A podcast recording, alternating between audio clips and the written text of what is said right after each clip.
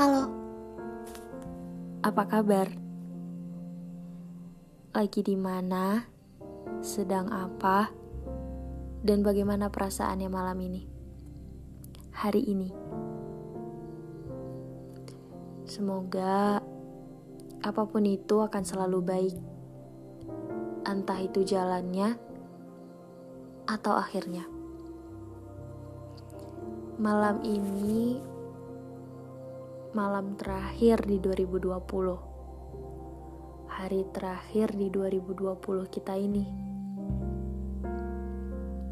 Ada banyak banget hal yang di luar dugaan, di luar rencana, dan kita nggak akan menyangkal bahwa 2020 banyak merusak plan-plan yang udah kita rancang di tahun sebelumnya. Marah? Pasti. Sedih? Tentu saja. Tapi sayangnya lagi-lagi gak ada yang bisa kita lakuin selain menerima. Dan proses menerima sesuatu itu gak semudah kita mengucapkannya. Gak semudah membalikan telapak tangan. Sini aku kasih tahu sesuatu atau banyak. Kali ini tentang aku. Di tahun 2020, walaupun hancur 2020 tetap mengajarkan aku banyak hal. Hal-hal yang mungkin gak aku dapat dari tahun-tahun sebelumnya. 2020 ngajarin aku tentang kesabaran. Ngajarin aku tentang bagaimana benar-benar mengatur waktu yang baik. Bagaimana mengontrol pikiran dan hati. Walaupun mereka masih sering berantem sampai sekarang bagaimana bilang maaf walaupun aku gak salah. Bagaimana menjadi seseorang yang lebih bijak juga lebih dewasa. Dan bagaimana agar aku bisa mencintai diriku sendiri agar aku bisa meletakkan diri aku sendiri sebagai prioritas nomor satu sebelum orang lain. Ya, walaupun gak bisa sih, belum bisa. 2020 aku banyak nangisnya. Kayaknya rekor deh tangisan paling banyak, tangisan paling perih, tangisan paling sedih. Kayaknya selama 2020 aku belum pernah nangis karena terharu bahagia. Dan aku memilih untuk tidak memberitahu siapa-siapa tentang perasaan aku. Tentang apa yang sedang aku alami, tentang bagaimana kacau dan hancurnya aku. Well, sebenarnya aku kasih tahu beberapa orang-orangku. Tapi lagi-lagi gak semua. Gak semua bisa aku ceritain. Dan gak semua orang bisa bikin aku sejujur itu. Kenapa? Gak semua orang mau mendengarkan. Sedangkan yang aku butuhkan sebenarnya itu hanya didengarkan, dihibur. Solusi itu tidak wajib ada saat itu juga. Tapi yang aku inginkan hanyalah sosok atau kehadiran seseorang yang yang bisa menerima aku apa adanya bisa mendengarkan, oh ternyata pikiran aku lagi gini nih. Perasaan aku lagi kacau nih. Lagi gak enak nih.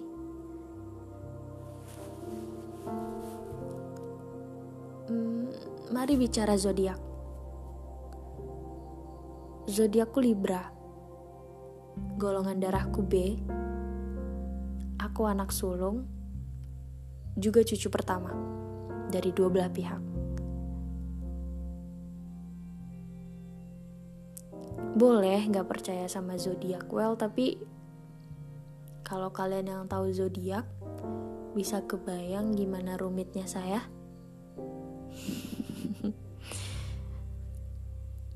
Saya sangat rumit. Sangat rumit. Bahkan diri saya sendiri pun tidak paham dengan si saya ini. kok jadi saya? Aku deh. Bahkan otak sama perasaan aku tuh sering berantem terlebih di 2020 ini overthinking udah cukup ngebuat semua orang yang memiliki overthinking itu jadi pusing kan? Ditambah lagi kalau misalnya otaknya sama hatinya berantem. Hancur. Susah.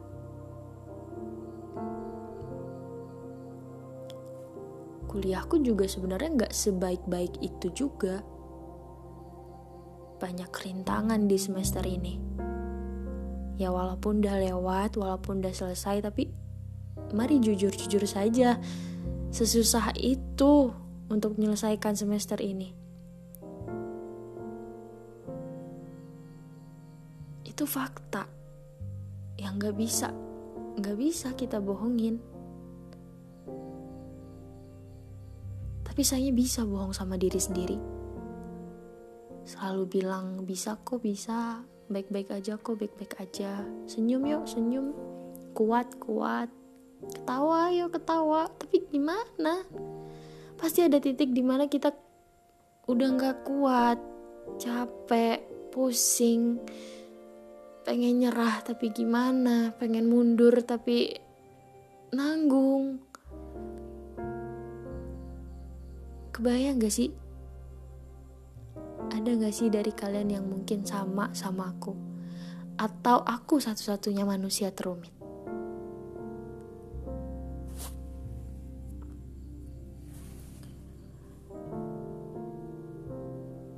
Di saat-saat kayak gini tuh aku sering mikir pengen deh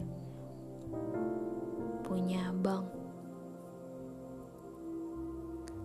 Oke nggak usah abang deh pengen punya seseorang yang di mana aku nggak perlu pakai topeng. Aku nggak perlu meletakkan kewajiban peran ini itu di dia. Cukup jadi diri aku sendiri. Kalau aku sedih aku bilang sedih. Kalau aku senang aku bilang seneng. Butuh orang yang kayak gitu karena ada masanya ternyata capek memainkan peran. Pengap pakai topeng terus. And I can't deny it.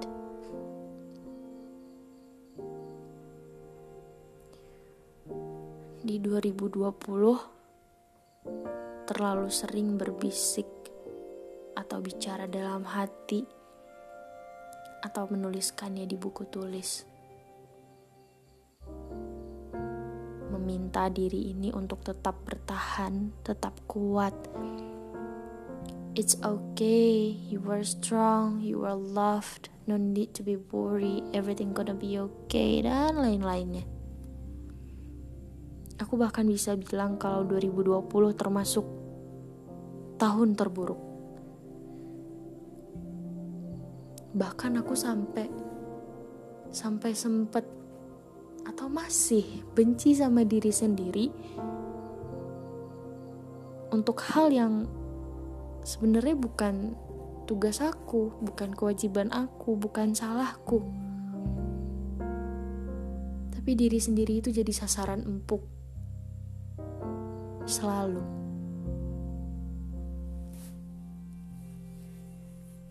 Di tahun 2020, Sembari berdoa, sering nanya sama yang di atas. Kebahagiaan itu sebenarnya apa? Dan ada di mana? Kalau orang-orang yang gak paham, mungkin bakal bilang gila kali ya lo. Gak percaya sama Tuhan. Gak bersyukur banget jadi orang. Bukan, bukan itu bukan gak percaya sama Tuhan, bukan yang gak bersyukur. Tapi ini lagi sesi mengadu sama yang di atas, meminta, memohon, bukan mempertanyakan, bro.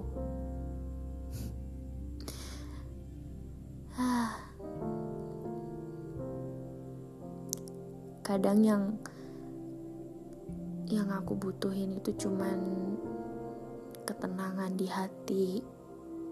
Gak perlu mikir yang aneh-aneh. Gak perlu mempertanyakan hal-hal yang gak berguna. Gak perlu ngerasain hal-hal buruk yang gak seharusnya. Gak perlu nangis tiap malam. Gak perlu ngerasa capek karena otak sama hati sendiri berantem tiap hari. Itu aja. Pengen banget bisa bisa sendiri bertahan sendiri di atas kaki sendiri. Berdiri. Tapi nggak bisa menyangkal, nggak bisa memungkiri kalau kadang capek berdiri sendiri. Butuh sandaran. Butuh telinga orang lain untuk didengarkan. Butuh hati untuk dikuatkan.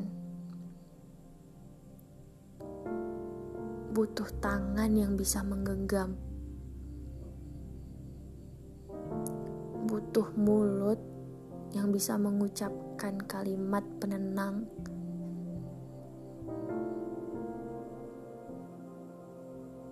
Bahkan untuk sosok yang benci pelukan,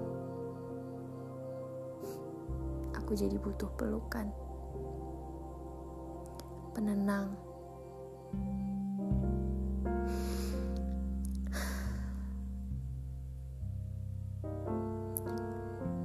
Harapanku untuk 2021. Sesimpel tahun-tahun sebelumnya. Kebahagiaan tumbuh menjadi sosok yang baik, terbaik bahkan belajar banyak hal bisa mencapai impian-impian. Dan kalau kalau memang seandainya misalkan tahun 2021 pun berencana untuk membunuh saya.